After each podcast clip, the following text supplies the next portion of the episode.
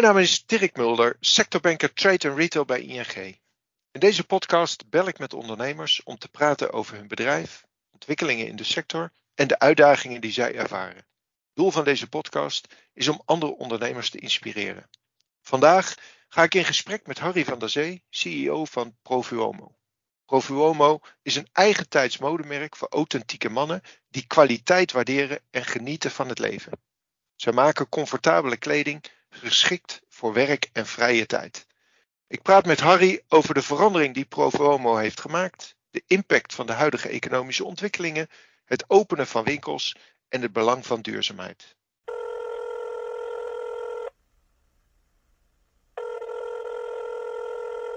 Goedemorgen, Harry.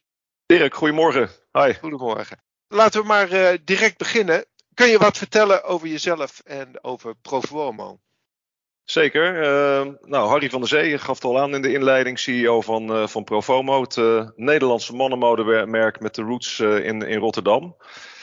Ja, we zijn een derde generatie familiebedrijf, ooit in 1934 opgericht als de eerste Nederlandse dassenfabriek, dus dat is een hele lange tijd geleden. En je moet je voorstellen, in de jaren 30 ging je naar het atelier voor je pak en voor je dassen. Hè. Dat werd allemaal op, op maat gemaakt. En toen kreeg je een hele industrialiseringsslag met wat dassenfabriekjes. En daar was eigenlijk uh, de grondlegger van ons bedrijf de eerste in in Nederland. En uh, ja, sinds die tijd is er een hoop gebeurd natuurlijk. Ik zelf ben in 2006 gestart bij het bedrijf als CEO. En ja, niet als familielid, maar wel samen met inmiddels de derde generatie geven wij dus richting aan het, aan het merk. Je zei mannenmodemerk, maar waar kan ik jullie vinden? Welk segment kan ik jullie vinden? Ja, nou wij, wij positioneren onszelf als premium brand. Hè, dus bewust uh, wat hoger in de markt. Geen echt luxury brand, uh, want dat zijn uh, denk ik de merken die iedereen wel kent uit Italië. Maar premium betekent dat je wel een goede kwaliteit levert en ook voor een groot publiek toegankelijk blijft. Ja, ik moet wel zeggen dat het merk natuurlijk in de loop der jaren zich gigantisch heeft ontwikkeld. Hè, want toen ik in 2006 startte, toen was het eigenlijk een accessoiremerk. Het is ooit in de jaren 80 eigenlijk bedacht als, als dassenlabel door de tweede generatie van het familiebedrijf. Uh, maar je moet je voorstellen dat wij eigenlijk uh, een verleden hebben van uh, dassen en accessoires. Dat is hele lange tijd onze core business geweest. En pas eind of begin 2000 zeg maar, zijn we de eerste stappen gaan zetten richting ook shirts. En dat is uiteindelijk het haakje geweest waaraan we dat merk ja, hebben gemaakt tot wat het vandaag de dag is. Dus vandaag staat het echt voor mannenmode. Timeless comfort is onze payoff. Nou, dat zegt het eigenlijk al. Hè? Dus timeless wil zeggen kleding voor zowel naar je werk als ook voor je vrije tijd. Het zegt iets over uh, het feit dat we geen fast fashion brand zijn, maar dat we ook uh, met goede basics, goede essentials invulling geven aan een, een mannengarderobe. Um, het zegt iets over duurzaamheid, denk ik, timeless. Dus dat zijn allemaal componenten die slaan ook op het merk.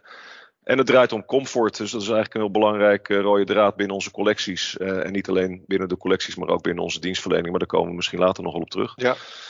Dus uh, ja, dat, dat merk heeft zich behoorlijk uh, ontwikkeld uh, in de loop der jaren. En ehm, ja, van accessoiremerk naar total look brand vandaag de dag. Ja. over die ontwikkeling kan we later nog, want dat vind ik wel een hele interessante. allereerst, wat jullie zijn niet alleen zeg maar leverancier wholesaler, eh, maar het gaat breder hè?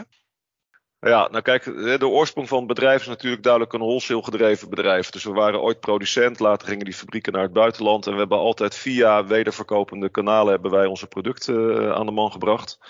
Dus binnen Noord-Europa met name hadden wij een hoop retailers die onze in, in het verleden private label producten verkochten. En later ook onze merkproducten. Maar we zijn wel, toen ik in 2006 uh, daar startte, een aantal stappen gaan zetten. En hebben we eigenlijk de shift gemaakt uh, van private label naar merk. En dat was een hele belangrijke transitie. Uh, maar we zijn ook van B2B, dus echt van wholesale gedreven bedrijf, meer naar B2C uh, eh, gaan kijken. En hebben destijds de eerste winkels geopend. en vandaag de dag hebben we meerdere winkels, plus natuurlijk een webshop. Dus we zijn nu ook met een directe strategie ja, ons direct op de, op de eindklant gaan richten. Dat betekent wel een verandering van je organisatie. Uh, kan je daar wat over vertellen? Ja, absoluut. dus uh, ja, wat, wat, wat, ik al zei, in het verleden was het altijd zo dat eh, de enige klant die we hadden was de retailklant. En natuurlijk werd, die, uh, werd het product aan de consument verkocht, maar die kenden we eigenlijk niet. Nou, het is wel zo dat wij al vrij snel de behoefte hadden om meer zicht te krijgen op hoe onze producten performen op de winkelvloer. Dus we zijn vrij vroeg gestart, denk ik, als je kijkt ook naar het concurrentieveld met het leggen van EDI-verbindingen naar bijvoorbeeld kassasystemen van onze klant. van de retailklant bedoel ik dan, zodat we in ieder geval konden zien en konden volgen hoe onze producten zeg maar, scoren op de vloer. Eh, dus waar veel bedrijven in het verleden, denk ik, eh, heel erg op voorverkoop waren gericht, zijn wij als organisatie altijd wel op doorverkoop gericht geweest en echt op performance. Dus dat is denk ik een belangrijk eh, gegeven. Nou, dat vergde ook allerlei nieuwe functies binnen het bedrijf. Dus bijvoorbeeld een rol als planning merchandising. Dat zal je in een klassiek wholesale bedrijf wat minder snel terugkomen. Is meer een retail taak. Maar dat zijn wel functies en rollen en taken die ik binnen het bedrijf allemaal neergezet heb. Om ook veel meer eigenlijk op de stoel van die retailer te kunnen gaan zitten. Ja, en wat je natuurlijk in de laatste jaren ziet met uh, de verdere stappen die we gezet hebben in uh, eh, B2C-denken, is dat je ook vanuit je marketingfunctie hele andere disciplines binnen wil halen. Het, heeft natuurlijk een enorme impact op je, op je IT en op je e-com omgeving. Dus je ziet dat daar inderdaad veel nieuwe functies zijn gecreëerd die vroeger binnen het bedrijf helemaal niet bestonden, maar die je ook echt nodig hebt om die slag te kunnen maken. Ja, nou hebben jullie, we natuurlijk allemaal, we hebben een heftige periode corona achter de rug. Misschien dat je straks wat over kan vertellen van wat dat voor jullie betekend heeft. Maar jij gaf mij eerder aan dat jullie in die tijd ook een verandering met het merk doorgemaakt hebben. Kan je daar wat over vertellen?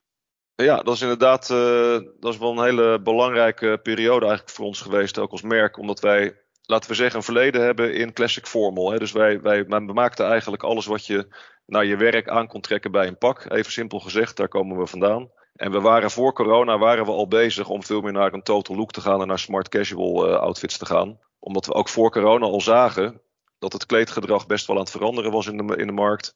En mensen gingen minder dassen dragen, mensen gingen zelfs minder uh, pakken dragen naar het werk. Dus we waren eigenlijk als merk al continu bezig om uh, de stap voorwaarts te zetten en ook naar dat minder formele kleedgedrag zeg maar een collectie te maken. Um, alleen wat je natuurlijk in corona zag, was dat uh, nou, A, er was een totale vraaguitval vanwege lockdowns en mensen gingen helemaal niet meer naar hun werk. En mensen gingen ook massaal thuiswerken. Nou, dat heeft al een hele grote impact gehad, denk ik, op kleedgedrag in het algemeen. En mensen gingen zich veel meer uh, ja, casual kleden, loungewear, uh, joggingpakken, noem het maar op. En ze zaten allemaal achter hun, hun scherm in feite dus hun, hun werk te doen. Ja, en dat met name, dus dat, dat, dat, dat thuiswerken en dat veranderende kleedgedrag, had natuurlijk bij ons een enorme impact ook op onze, onze business. want het grootste volume zat nog steeds in, in shirts. En we waren gelukkig wel gestart al met nieuwe productcategorieën, maar die moesten nog wel ook ja, de groei doormaken die we met shirts en met accessoires al achter ons hadden. Um, dus toen heb ik eigenlijk tijdens corona gezegd van jongens, het roer moet om en we moeten kijken waar liggen de kansen en waar willen we nou naartoe als, als merk. En een van de dingen waar ik mee, eh, mee zat en waar ik tegenaan liep, was dat wij dus in de ogen van de retailer vaak nog in de hoek werden gezet van Classic Formal. Terwijl we inmiddels best wel een andere collectie hadden. Uh, maar bij de consument zat het ook nog tussen de oren. Dus iedereen kende ons van de dressshirts en van de dassen. Terwijl we eigenlijk vandaag de dag ergens anders voor zouden kunnen staan. En inmiddels ook vonden dat we daarvoor stonden. Dus wat ik tijdens corona gedaan heb, is gezegd: we moeten een uh, complete rebranding en herpositionering gaan doorvoeren voor ons merk. Daar is ook die uh, slogan Timeless Comfort uh, uit voortgekomen. En we hebben ook letterlijk het logo veranderd. We hadden een klassiek Romeins lettertype. Ehm, nou, inmiddels is dat vervangen voor een nieuw logo wat een veel modernere uitstraling heeft. En, ehm, en daarmee hebben we dus ook echt een stap gezet, de daad bij het woord gevoegd. Door ook op een heel ander segment of op een ander onderdeel van onze collectie de focus te leggen. Ja. En, en, en dat is een behoorlijke transitie. Ja, Sorry, ja? Nou, vertel daar eens wat over. Wat, dat is een behoorlijke transitie. Wat betekent dat dan voor je organisatie? Nou ja, kijk, in alle facetten uh, heeft dat impact. Hè? Dus in je designteam uh, moet je op een gegeven moment uh, ook maar net de mensen hebben zitten die dus het handje hebben van, van smart casual, van zelfs sportswear. Um, dus het vergt veel van je designteam die dus snel eigenlijk een andere richting op moet. Um, maar het vergt ook veel van bijvoorbeeld je marketingafdeling, die dus over de bühne moet gaan brengen waar Timeless Comfort voor staat. Dus ook in je uh, marketinguitingen, in je social media campagnes en dergelijke, moet je dan dus natuurlijk wel de juiste snaar weten te raken. Uh, in je fotografie, hè, dus campagnefotografie, de modellen die je dan kiest, de outfits die je specifiek wel laat zien of wat je juist niet meer laat zien. Hè, want op een gegeven moment deden wij bijvoorbeeld nog steeds jasjes. Ja, ik heb ze allemaal uit de showroom gehaald in uh, coronatijd. Niet omdat we ze niet konden verkopen, maar omdat ik gewoon wilde dat als een retailer bij ons binnenkwam, hij ons niet meer in die hoek zette van uh, Formel. En nu zijn we dat weer een beetje aan toevoegen. Maar als je die shift wil maken, moet je dus heel duidelijk zijn. En moet je echt een statement maken van jongens, hier staan we voor. En dat heeft dus impact op heel veel facetten van je organisatie. Ook op de IT-afdeling bijvoorbeeld. Want met die stap naar timeless comfort hebben we ook nog een grotere stap eigenlijk gezet richting uh, business to consumer denken. Ja, dat vergt weer heel veel van je, van je IT-systemen. Heb je dan de juiste IT-infrastructuur bijvoorbeeld uh, liggen waarmee je dat goed kan faciliteren. Dus dat, dat zijn allemaal aspecten die dan helemaal doorwerken in alle geledingen van je, van je organisatie. Ja, en, en het is nog relatief nieuw, relatief kort. Maar wat zijn de eerste reacties vanuit de markt als je kijkt naar retailers of misschien zelfs al klanten? Nou, heel positief. Wat we dus eigenlijk gelijk zagen, dat is natuurlijk ook het fijn als je ook een eigen verkoopkanaal hebt, dat je dat soort nieuwe eh, beelden en nieuwe collectierichtingen sneller ook eh, bij de consument onder de aandacht kan brengen. Dus we zagen de eerste successen gelijk al bij onze online aanpak en in onze eigen winkels.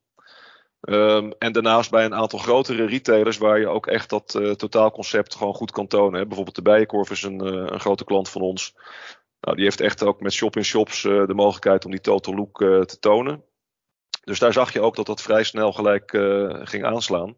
En gelukkig ook dat dan dus nieuwe categorieën die je eigenlijk wil pushen ook, ook oppakken. dus bijvoorbeeld broeken, we hebben daar ook en we proberen altijd, en dat is misschien nog wel interessant om te melden. Kijk, we hebben, we hebben een verleden als productspecialist. Mm En wat ik altijd zeg is van joh, aan de ene kant zijn we een total look brand. Dus we willen wel eigenlijk een man van top tot teen eh, kunnen kleden. Maar ik vind het ook belangrijk om binnen zo'n productcategorie een statement product te, eh, te hebben. dus wij zijn eigenlijk vanuit het productspecialisme zoals we altijd gewerkt hebben, altijd gewend om een aantal echt statement producten te maken die binnen de categorie een soort category killer zouden kunnen zijn. En dat hebben we in het verleden gedaan met onze Perfect White Shirts. Vandaag de dag doen we dat met onze Japanese Knitted Shirts. Dat is echt zo'n productstatement. Nou, we zijn met broeken zijn wij echt ingestapt op de sportcourt. Een soort chino die je uh, zowel netjes, maar ook vrije tijd kan dragen.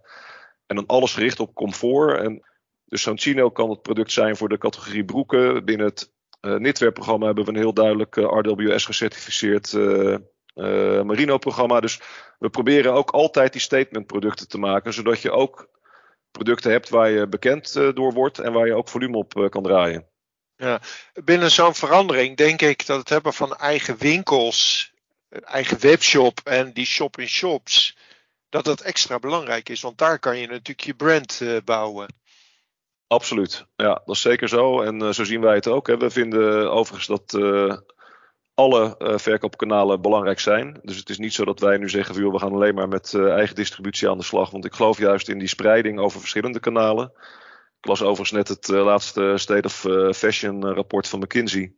Daar werd het ook als een van de duidelijke aandachtspunten neergezet. je ziet dat direct to consumer steeds duurder wordt en onder druk staat de laatste, het laatste jaar eigenlijk. En daar werd ook gesteld voor zorg ervoor dat je ook in je distributie zorgt voor diversificatie, verspreiding en zeker ook eh, je wholesale kanaal uh, goede aandacht geeft. Maar wat jij dus aangeeft, op het moment dat je natuurlijk wil veranderen, kan dat soms ook een lange weg zijn. Hè, voordat jij mm. bij een retailer gezien wordt als uh, smart casual brand, terwijl je altijd ingekocht werd als formal brand. Ja, dan moet je, dan moet je wel een tijdje vaak uh, moeite insteken om dan ook die volgende stap te kunnen zetten. En dan nog vaak wordt er dan uh, eerst getest en gekeken van nou we gaan eens kijken of het aanslaat. Uh, vaak zijn er ook al andere merken die dan een bepaalde categorie bij zo'n retailer invullen met, met een product wat al langer op de markt was. Dus, dus ja, het is voor ons heel belangrijk om, om snelheid te creëren, om, om eigen distributiekanalen te hebben. Maar ook juist inderdaad om die herpositionering van je merk goed door te kunnen voeren. Ja. Nou, hebben jullie nu zes winkels? Hoe, hoe zie je dat naar de toekomst toe? En ik weet niet hoeveel shop-in-shops, maar hoe zie je dat naar de toekomst toe? Nou ja, kijk, wij blijven investeren ook in eigen distributie. Uh, en waar ik in geloof uh, is dat je dus, uh, als je bijvoorbeeld een land instapt, we zijn nu in België bezig, om dan ook op de verschillende kanalen een positie te hebben. Dus we zijn nu op zoek naar een winkel in Antwerpen. Um, en zullen dan ook met een aantal shop-in-shops en met een goede online strategie zo'n land zeg maar echt oppakken. dus de ambitie is in ieder geval om op de kortere termijn in België te openen. Um, ja, misschien op de wat langere termijn wellicht ook in Duitsland. Hè, want in Duitsland zijn we op dit moment ook behoorlijk aan het bouwen aan het merk. Daar zie je dat het voornamelijk nog via retailpartners gaat en via onze eigen online strategie. Maar ik denk dat zo'n brandstore goed is voor je merkuitstraling nog steeds. En ook voor de herkenbaarheid. Maar het is ook een signaal naar een markt dat je zo'n markt serieus neemt. Ja. Dus als je daar gewoon gaat zitten met een, met een brandstore, ook in staat om je totale concept echt te tonen, dan, ja, versterkt dat ook weer je positie in die andere kanalen. Dus uh, wat dat betreft denk ik dat wij nog een aantal winkels gaan openen de komende tijd. Want daar hebben we het nog niet over gehad. Hè? Jij gaf in het begin aan, wij zijn echt een, een typisch uh, Nederlandse familiebedrijf. Hoe belangrijk is Nederland in jullie omzet uh, en, en welk gedeelte is buitenland? Nou, kijk, de thuismarkt is heel belangrijk en dat is ook nog steeds onze grootste afzetmarkt in potentie is natuurlijk Duitsland misschien wel groter, maar van waar wij nu staan als merk, is Nederland voor ons nog steeds de grootste afzetmarkt. Omdat we daar en alleen nu op dit moment maar onze eigen winkels hebben, maar ook de grootste retailklanten. Ehm, dus ik denk uiteindelijk dat Nederland wel zo'n 60% van de totale omzet vertegenwoordigt, 70%. Mm En dat 30% nu uit het buitenland komt. maar daar zit dus ook enorm veel potentie. Hè, want we ja. zien dat het wel aanstaat en dat het daar werkt. Dus als je kijkt naar onze groeistrategie, dan zetten wij dus in enerzijds uh, zeg maar op een stuk marktontwikkeling door ook in die uh, buitenlandse markten, in die exportmarkten gewoon een positie te nemen. Um, en blijven we ook nog steeds in de breedte van ons uh, portfolio groeien. Dus productdiversificatie is ook nog een belangrijke groeifactor. Omdat we bij veel retailers soms nog maar op één of twee categorieën gekocht worden. en we ook daar proberen steeds meer naar een total look concept te gaan jullie bieden nu al dat total look concept aan. Toch heb je het over diversificatie, verdere diversificatie. Waar, waar doel je dan op? Nou, ik bedoel eigenlijk met name dat dus uh, uh, we, hebben, we hebben gediversifieerd, zou je kunnen zeggen. Ja. Dus we zijn veel breder gegaan in onze collectie dan waar we vandaan kwamen. Alleen zie je dat die diversificatie nog niet bij alle wholesale klanten, dus in de retail, op die manier opgepakt is. Dus ja. wij zien ook dat we bij bestaande klanten nog enorm groeipotentieel hebben omdat we dan naast de shirts en de knitwear nu ook de broeken kunnen verkopen of de outerwear. Ja. Dus, dus wij zien eigenlijk dat we zowel bij bestaande klanten uh, als in nieuwe markten uh, kunnen groeien. Dus dat is een interessant uh, gegeven. daarnaast zien we ook dat we nog een enorm potentieel hebben gewoon in de direct-to-consumer markt. Want daar zien we ook dat de omzetten in onze eigen webshops en in de eigen winkels steeds verder groeien. Dus wij zitten aan alle kanten zitten we in een groeiscenario. En dat is natuurlijk positief. We hebben weliswaar even die dip gehad van corona. Alleen omdat we daar, denk ik, op tijd de juiste maatregelen hebben getroffen. Ook een reorganisatie hebben doorgevoerd. Uh, het roer om hebben gegooid qua collectiebeeld. Uh, en met name ook gezegd hebben van joh, we moeten die klant centraal gaan stellen, de consument. En daar eigenlijk de, de strategie op richten. Dat, dat breekt ons nu heel veel. Hè. Daar plukken we nu eigenlijk al de vruchten van, zou je kunnen zeggen. Ja. Iets anders wat mij uh, triggert. Uh, het beeld wat jij schetst hè, over smart casual, over uh, comfort, dat, dat herken ik hè, de, in, in, mijn omgeving, zelfs op mijn eigen afdeling.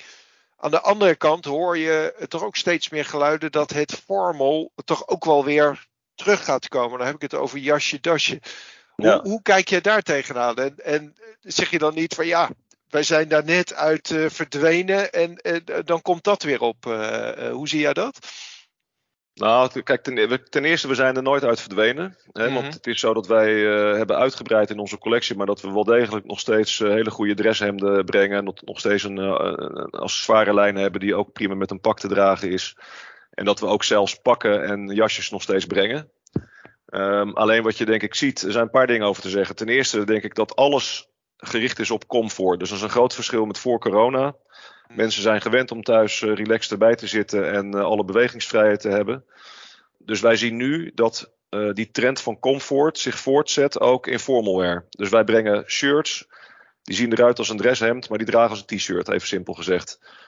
of een chino die ziet eruit als een nette, nette broek, maar hij draagt als een joggingbroek. Dus, dus je moet als merk, en dat doen wij ook, denk ik, investeren uh, in, in, in, innovatiekracht hebben om producten te maken die dus weer uh, matchen met de behoeftes van vandaag de dag. En wij zien dat met name in die comforttrend. Mm -hmm. Je ziet er ook heel veel invloeden vanuit uh, de techwereld, vanuit de sportwereld. En dus wij gebruiken steeds vaker ook echt tech yarns ehm, die ze al veel langer bij grote sportmerken gebruiken voor sportkleding, die passen wij toe in, in ook in formal wear. Dus dat geeft natuurlijk alle draagcomfort en eigenschappen die je daarbij kan bedenken. Ehm, dus enerzijds is dat een trend. En anderzijds is het wel zo dat ehm, dat dress-up uh, gedeelte waar jij op doelt, wel steeds meer occasional is. Dus wat wij zien, is dat er heel veel uh, pakken, jasjes, dresshemden verkocht worden voor feesten en partijen, even simpel mhm. gezegd. En dat is natuurlijk een enorme inhaalslag geweest het afgelopen jaar, nadat twee jaar lang uh, er geen trouwerijen en, en dat soort partijen zijn geweest. En je ziet nu ook steeds vaker, omdat het allemaal meer casual geworden is, dat mensen het ook leuk vinden om zich af en toe eens eventjes in een statement outfit te hijsen. Als het dan voor een speciale gelegenheid is. Maar we zien het dus wel veel meer in die hoek. Mhm. en natuurlijk zal het uh, naar het werk ook uh, nog steeds gedragen worden. Maar daar is het wel beduidend minder dan voor corona. Dat, dat is wel een verandering die niet zomaar voorbij is. Nee. Nou hebben we het al een aantal keer genoemd, corona. Jij hebt al aangegeven wat jullie transitie is geweest als, als brand. als je nou eens breder kijkt naar jullie organisatie, wat voor een impact heeft corona gehad en wat voor veranderingen heeft dat in jullie bedrijf teweeggebracht? Even los van zeg maar het merkbeeld wat veranderd ja. is. Nou ja, kijk, het heeft, het heeft heel veel impact gehad. En dingen, denk ik, ook in een stroomversnelling gebracht waar we toch al mee bezig waren. Hè. Dus het is niet zo dat we door corona nou in één keer hebben gedacht van jongens, alles moet anders. Alleen er zijn wel een aantal versnellingen geweest. Dus wat ik gezien heb is dat bijvoorbeeld digitalisering key is voor je bedrijf. Mhm. Je wil niet meer afhankelijk zijn alleen maar van fysiek. Of het nou gaat om je verkoopkanalen of of het nou gaat om je productiekanalen. dus je wil eigenlijk uh, digitaliseren. Of je moet digitaliseren, denk ik. En dat heeft corona bij ons wel in een stroom. Dat heeft alles bij ons in een stroomversnelling gebracht door corona. dus we zijn bijvoorbeeld gelijk zodra de lockdowns er waren, gestart om de hele voorverkoopcollectie digitaal te maken. Dus ik denk, als klanten niet meer naar onze showroom mogen komen, dan moet je gewoon digitaal moet je gewoon een collectie kunnen kopen bij ons, als voorbeeld. Um, nou, anderzijds zie je natuurlijk ook dat uh, de rol van internet aan de verkoopzijde vele malen belangrijker is geworden. Uh, en niet dat je daar nou helemaal afhankelijk van wil zijn, maar we hebben wel bij ons fors geïnvesteerd in onze uh, e-com omgeving tijdens corona. Om te zorgen dat we daar in ieder geval de boot niet zouden missen. Dus daar hebben we dus behoorlijke stappen in gezet. Wat ook zo is, is dat je natuurlijk door corona te maken kreeg met disruptieve supply chains. Mm Dus we zijn ook gaan kijken van, joh, wat is het risico per productgroep in de supply chain waar we zitten en wat is plan B? Hebben we een alternatief? Is er een alternatief dichter bij huis? dus we zijn heel gericht ook gaan sourcen op alternatieven om te zorgen dat we ook daar minder afhankelijk zijn van bepaalde distributie, uh, of nee, moet ik zeggen, supply chain uh, kanalen. Uh, dus dat is een belangrijk inzicht geweest. Ja, en omdat het, denk ik, en dat is niet alleen door corona hoor, maar dat is in het algemeen, allemaal ook steeds complexer wordt om onderscheidend te blijven, zeker in een online markt, zie je dat bijvoorbeeld alles ook steeds meer data-driven wordt. En ook daar hebben wij van gezegd, van ja, we zullen als bedrijf echt een data-driven organisatie moeten zijn in de toekomst, willen we ook de, uh, de slagkracht houden die we hebben. En dus ook daar zie je dat we steeds meer investeren in digitalisering enerzijds, in zeg maar klantsystemen en productsystemen waar we informatie in vergaren, die ons echt insights geeft. Dus niet alleen rapportage of het verzamelen van data omdat je nou eenmaal data verzamelt, maar echt goede insights die je helpen om voorspelbaarder te worden als bedrijf of om betere besluitvorming te kunnen maken binnen je bedrijf. Dat, dat zijn allemaal zaken die hebben door corona denk ik bij ons wel in een stroomverstelling uh, gezeten. Ja, en, en even over die data, heb je het dan voornamelijk over CRM-systemen of kijk je dan ook naar, uh, naar voorraadoptimalisatie, et cetera, et cetera? Ja, eigenlijk, ik zeg altijd, het draait om twee zaken. Dat is het digitaliseren van je productdata en het mhm. digitaliseren en verzamelen van je klantdata. En wat wij dus ook gedaan hebben in het kader van digitalisering, is dat we nu bezig zijn met de implementatie van een heel PLM-systeem. Om te zorgen dat je ook inderdaad efficiënter gaat werken aan je product development kant. En eenduidiger gaat werken, dat je processen eenduidiger zijn. Uh, we zijn nu bezig met de implementatie van een nieuw PIM-systeem. En want we zien dat uh, ook die digitale informatie uh, als product feed naar bijvoorbeeld marketplaces of naar retailers die met jouw productinformatie willen werken steeds relevanter en belangrijker wordt. Dus je ziet product digitalisering. en anderzijds, met de uitrol van ons CDP-systeem, zie je dus die klantdigitalisering. En daar is het weer heel belangrijk dat je dat ook echt omni-channel doet. Dus wij hebben een CDP-systeem wat zowel de informatie vanuit onze kassa's, vanuit de winkels uh, krijgt, als vanuit het web. Mhm. Um, en zo zie je dan dat je uiteindelijk echt customer-centric kan zijn door alle informatie rondom die klant op een goede manier te verzamelen en te kunnen ontsluiten. En dat te combineren met die product data. Dus dat zijn de twee hele belangrijke uh, slagen die we daarin maken. Ja. Klinkt heel goed. Helemaal uh, terug naar het begin. Jij gaf aan dat een belangrijke pijler onder jullie merken, onderdeel van dat comfort, te maken heeft met duurzaamheid. Nou is dat een heel breed containerbegrip. Ja. Kun je er iets, iets over vertellen wat dat betekent voor Profomo? Nou, kijk, het is sowieso, misschien is het toch goed om dat nog even bovenliggend te vertellen. Kijk, ik heb altijd gezegd, uh, als fashion brand uh, kan je twee dingen doen. Je kan of je helemaal kapot concurreren in de Red Ocean. Hè? Ik weet niet of je die Red Blue Ocean strategieën kent. Ja. Uh, maar heel veel, heel veel modemerken zitten in mijn optiek in die, in die Rode Oceaan. Dus die hebben te maken met allerlei externalities. Die hebben te maken met milieuorganisaties die iets vinden van, uh, van jouw CO2-uitstoot. Of je hebt te maken met heel veel concurrentie op prijs. Dus dat is echt een vechtersmarkt. En dan zit je eigenlijk altijd in de verdediging. Dus dat is altijd in de defensiehoek. Um, en ik heb eigenlijk vanaf dag één gezegd, en dat is ook altijd mijn filosofie en strategie geweest, van joh, met Proforma zoeken wij een Blue Ocean strategy. Dus wij zoeken bewust uh, een omgeving en een uh, positionering van ons merk in de markt, waarin we in die Blue Ocean veel meer vanuit innovatie en vanuit aanval uh, kunnen acteren, dus vanuit eigen kracht. Nou, dat is een heel belangrijk gegeven en we hebben toen vrij snel gezegd, we willen niet op prijs concurreren, maar we willen het op een smart manier willen wij dat merk zeg maar differentiëren van andere merken. En een van die pijlers is inderdaad duurzaamheid. Mhm. Nou, nou is het zo dat daar zijn we eigenlijk al heel lang als bedrijf mee bezig. Want vroeger werkten wij uh, voor heel veel grote retailers in de private label hoek. En dan was het eigenlijk al zo als je voor de allergrootste retailers in de wereld werkt. Ja, die hebben een hele duidelijke code of conduct. Die hebben hele stringente eisen ten aanzien van social compliance in supply chains. Maar ook op het gebied van uh, environmental uh, compliance. Dus we, als bedrijf waren wij wel gewend om uh, in dat soort complexere supply chains zeg maar, te werken. En wij ook door allerlei externe auditbureaus continu geaudit wordt op je performance. Um, dus wij hebben, omdat we dat ook al in ons bloed hadden gezegd, joh, dat is voor ons eigenlijk ook een logisch onderdeel en een logische pijler van ons merk. Dus het moet op een duurzame manier geproduceerd worden. Um, nou is het zo dat het uh, inderdaad geen free lunch is. Zeker de laatste tijd hoor je veel over greenwashing en allerlei uh, ook negatieve berichtgeving daaromtrent. Maar wij zijn uh, al langere tijd deelnemer in het uh, textielconvenant. Inmiddels is dat convenant afgelopen. Dus er zit nu een soort in-between periode. Maar we waren een van de deelnemers in het textielconvenant. waarin wij ook onder toezicht stonden van de SER in de afgelopen jaren. Nou, dat, in dat kader hebben wij een, een roadmap gemaakt naar de toekomst. Uh, en eigenlijk per product en per supply chain aangegeven welke stappen we willen zetten in het kader van duurzaamheid. -hmm. en in het kader van maatschappelijk verantwoord ondernemen, hè, want dat is eigenlijk breder dan alleen maar duurzaamheid. Uh, anderzijds is het ook zo dat een paar grote klanten van ons, waaronder bijvoorbeeld de Bijenkorf, heeft gezegd: voor ons is het ook een knock-out criterium dat onze top 5 leveranciers moeten daar en daar en daaraan voldoen op het gebied van duurzaamheid en compliancy. Dus ook daar hadden we een stok achter de deur in die zin dat ook onze klant het van ons vraagt en steeds meer klanten dat vragen.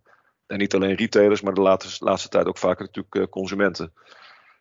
Nou, uh, wat hebben wij dus gedaan? Wij hebben gezegd van oké, binnen dat uh, convenant uh, zijn er hele duidelijk uh, meetbare stappen te zetten. Mhm. En daarop laten wij ons ook ieder jaar gewoon auditen door externe partijen. En we hebben ons aangesloten bij een aantal uh, initiatieven om te zorgen dat het ook geen gebakken luchtverhaal is, maar dat het ook echt een gecertificeerd uh, traject is wat je instapt. Dus op het gebied van arbeidsomstandigheden zijn wij uh, aangesloten bij Amfori. dus daar wordt dan in de supply chain op de fabrieken waar wij werken, wordt gewoon geaudit op arbeidsomstandigheden, zou je kunnen zeggen. Um, en ten aanzien van onze belangrijkste productgroepen, en dan praat je bij ons, uh, of uh, grondstoffen moet ik zeggen, praat je over uh, katoen, wol en, en leer. Mm. Hebben we gekeken wat zijn daarbinnen de echte certificeringen die je kan halen, vaak ketencertificeringen. Zodat je ook aantoonbaar met een label aan je product kan aantonen dat het product ook echt duurzaam gemaakt is. En op die manier hebben wij daar dus vorm aan gegeven en geven we nog steeds vorm aan. Ehm, ja, en dat gaat nog verder. Dat heeft ook te maken met je verpakkingen, met de manier waarop je je last mile uh, vervoer uh, geregeld hebt. Dus er zijn op heel veel aspecten zijn daar dus uh, stappen in gezet en, en worden nog gezet. Mm -hmm. en dat is ook allemaal transparant terug te vinden. Wij publiceren een maatschappelijk jaarverslag. Waarin we gewoon openheid van zaken geven, transparant zijn over hoe ver wij zijn in dat traject. En welke ja. stappen we gezet hebben. Klinkt allemaal heel goed. Uh, nou komt er per 1-1-2023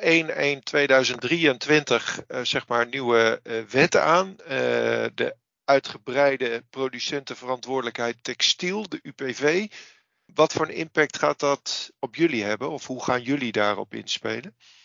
Nou, dat is, dat is een goede vraag. Kijk, dat is nog in het kader van recycling. Hè? Dat gaat met name ja. over recycling. En het feit dat je dus eigenlijk dat er gesteld wordt van ja, als je als modemerk een hoop spullen de markt inbrengt, moet je ze ook maar weer uit de markt zien te halen en opnieuw uh, hergebruiken. Ten eerste is het zo dat, uh, ik zit zelf ook in het Modint-bestuur, mm -hmm. dat dit nou typisch ook iets is wat je denk ik als sector gezamenlijk uh, aan zou moeten pakken. Dus er is nu een collectief gestart vanuit Modint. waarbij verschillende fashion brands zich ook gewoon kunnen aansluiten. Dus dat is bij deze misschien nog wel een oproep. Ehm, en wij hebben in ieder geval als merk gezegd van wij sluiten ons aan bij dat collectief omdat ik denk dat het voor een individueel bedrijf best wel lastig te organiseren allemaal is. Ik bedoel, zeker als je niet uh, overal winkels hebt uh, met, in, uh, met afhaalpunten, noem het maar op, inleverpunten, dan, dan zijn dat best nog wel een paar hoofdbrekers. Dus, dus daar komt in ieder geval een collectief voor de sector, waarbij merken zich kunnen aansluiten. Ja, en daarnaast moet je natuurlijk zelf altijd nadenken van wat je er dan vervolgens weer mee kan als merk. Kijk, wat ik wel soms vind, hè, wij, wij streven een bepaalde kwaliteit na. En het is heel lastig om een kwalitatief hoogwaardig dressshirt te maken van gerecycled materiaal. Ja. He, want als jij een heel luxe uh, overhemd hebt, ja, dat is longstapel uh, katoen, dat zijn hele lange vezels. Mm -hmm. uh, en dat bepaalt de kwaliteit van zo'n product. Dus je kan niet ja. zomaar met helemaal gerecycled, kwalitatief minder materiaal zo'n mooi product maken. Dus dan moet je weer op zoek naar alternatieven. Maar, maar goed, dus er liggen ook voldoende uitdagingen. Maar uh, die UPV, die overigens toch wel weer iets is uitgesteld. Want hij zou per 1 januari uh, starten. Maar ik, ik, begreep dat hij weer iets uitgesteld is. Okay. Maar, maar, hij komt er waarschijnlijk wel. Is iets waar wij in ieder geval vanuit het collectief uh, in mee gaan draaien. Heel goed. Harry, tot slot van dit gesprek. Uh, dit stel ik aan iedere uh, ondernemer die ik spreek. Heb jij nog een, een, tip voor andere ondernemers? Een tip voor andere ondernemers? Nou, ja. ik zou zeggen blijf altijd denken in, uh, in oplossingen en in mogelijkheden in plaats van in uh, beperkingen en moeilijkheden. Dat klinkt een beetje als open deur, maar ik denk toch dat dat zeker in de afgelopen twee, drie jaar heel relevant is geweest. Dus blijf zoeken naar de kansen die er altijd liggen in de markt. En ehm, ja, blijf vooral zelf nadenken. Dat, dat vind ik een heel belangrijk gegeven. Dus vanuit je eigen kracht op zoek naar die blauwe oceaan zou ik zeggen. Dat is toch waar het uiteindelijk in mijn optiek op neerkomt. Ja, en waar je ziet dat uh, soms deuren worden gesloten of dat bepaalde dingen echt uh, structureel anders gaan, zie je dat andere weer open gaan. Ik denk dat dat uiteindelijk altijd voor ondernemerschap het belangrijkste is. Dat je blijft zoeken naar die uh, opportunities die er altijd zijn in iedere markt en in welke situatie je ook zit.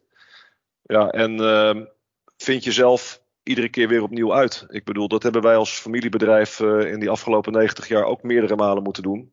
Van private label naar merk en van das naar accessoires en van accessoires naar shirts. En van shirts naar total look. En van B2B naar B2C. Het is, het is continu eigenlijk jezelf blijven uitvinden. En uh, ik denk als je dat uh, in het achterhoofd hebt en ook als drive hebt, dat je ook altijd uh, toekomst hebt. Dus dat is mijn tip.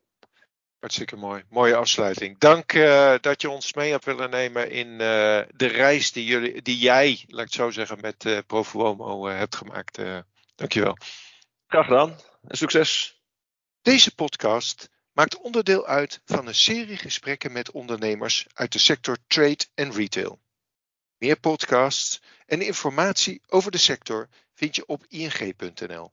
Wil je nou zelf een keer meedoen aan een podcast? Mail me dan op dirk.mulder.ing.com.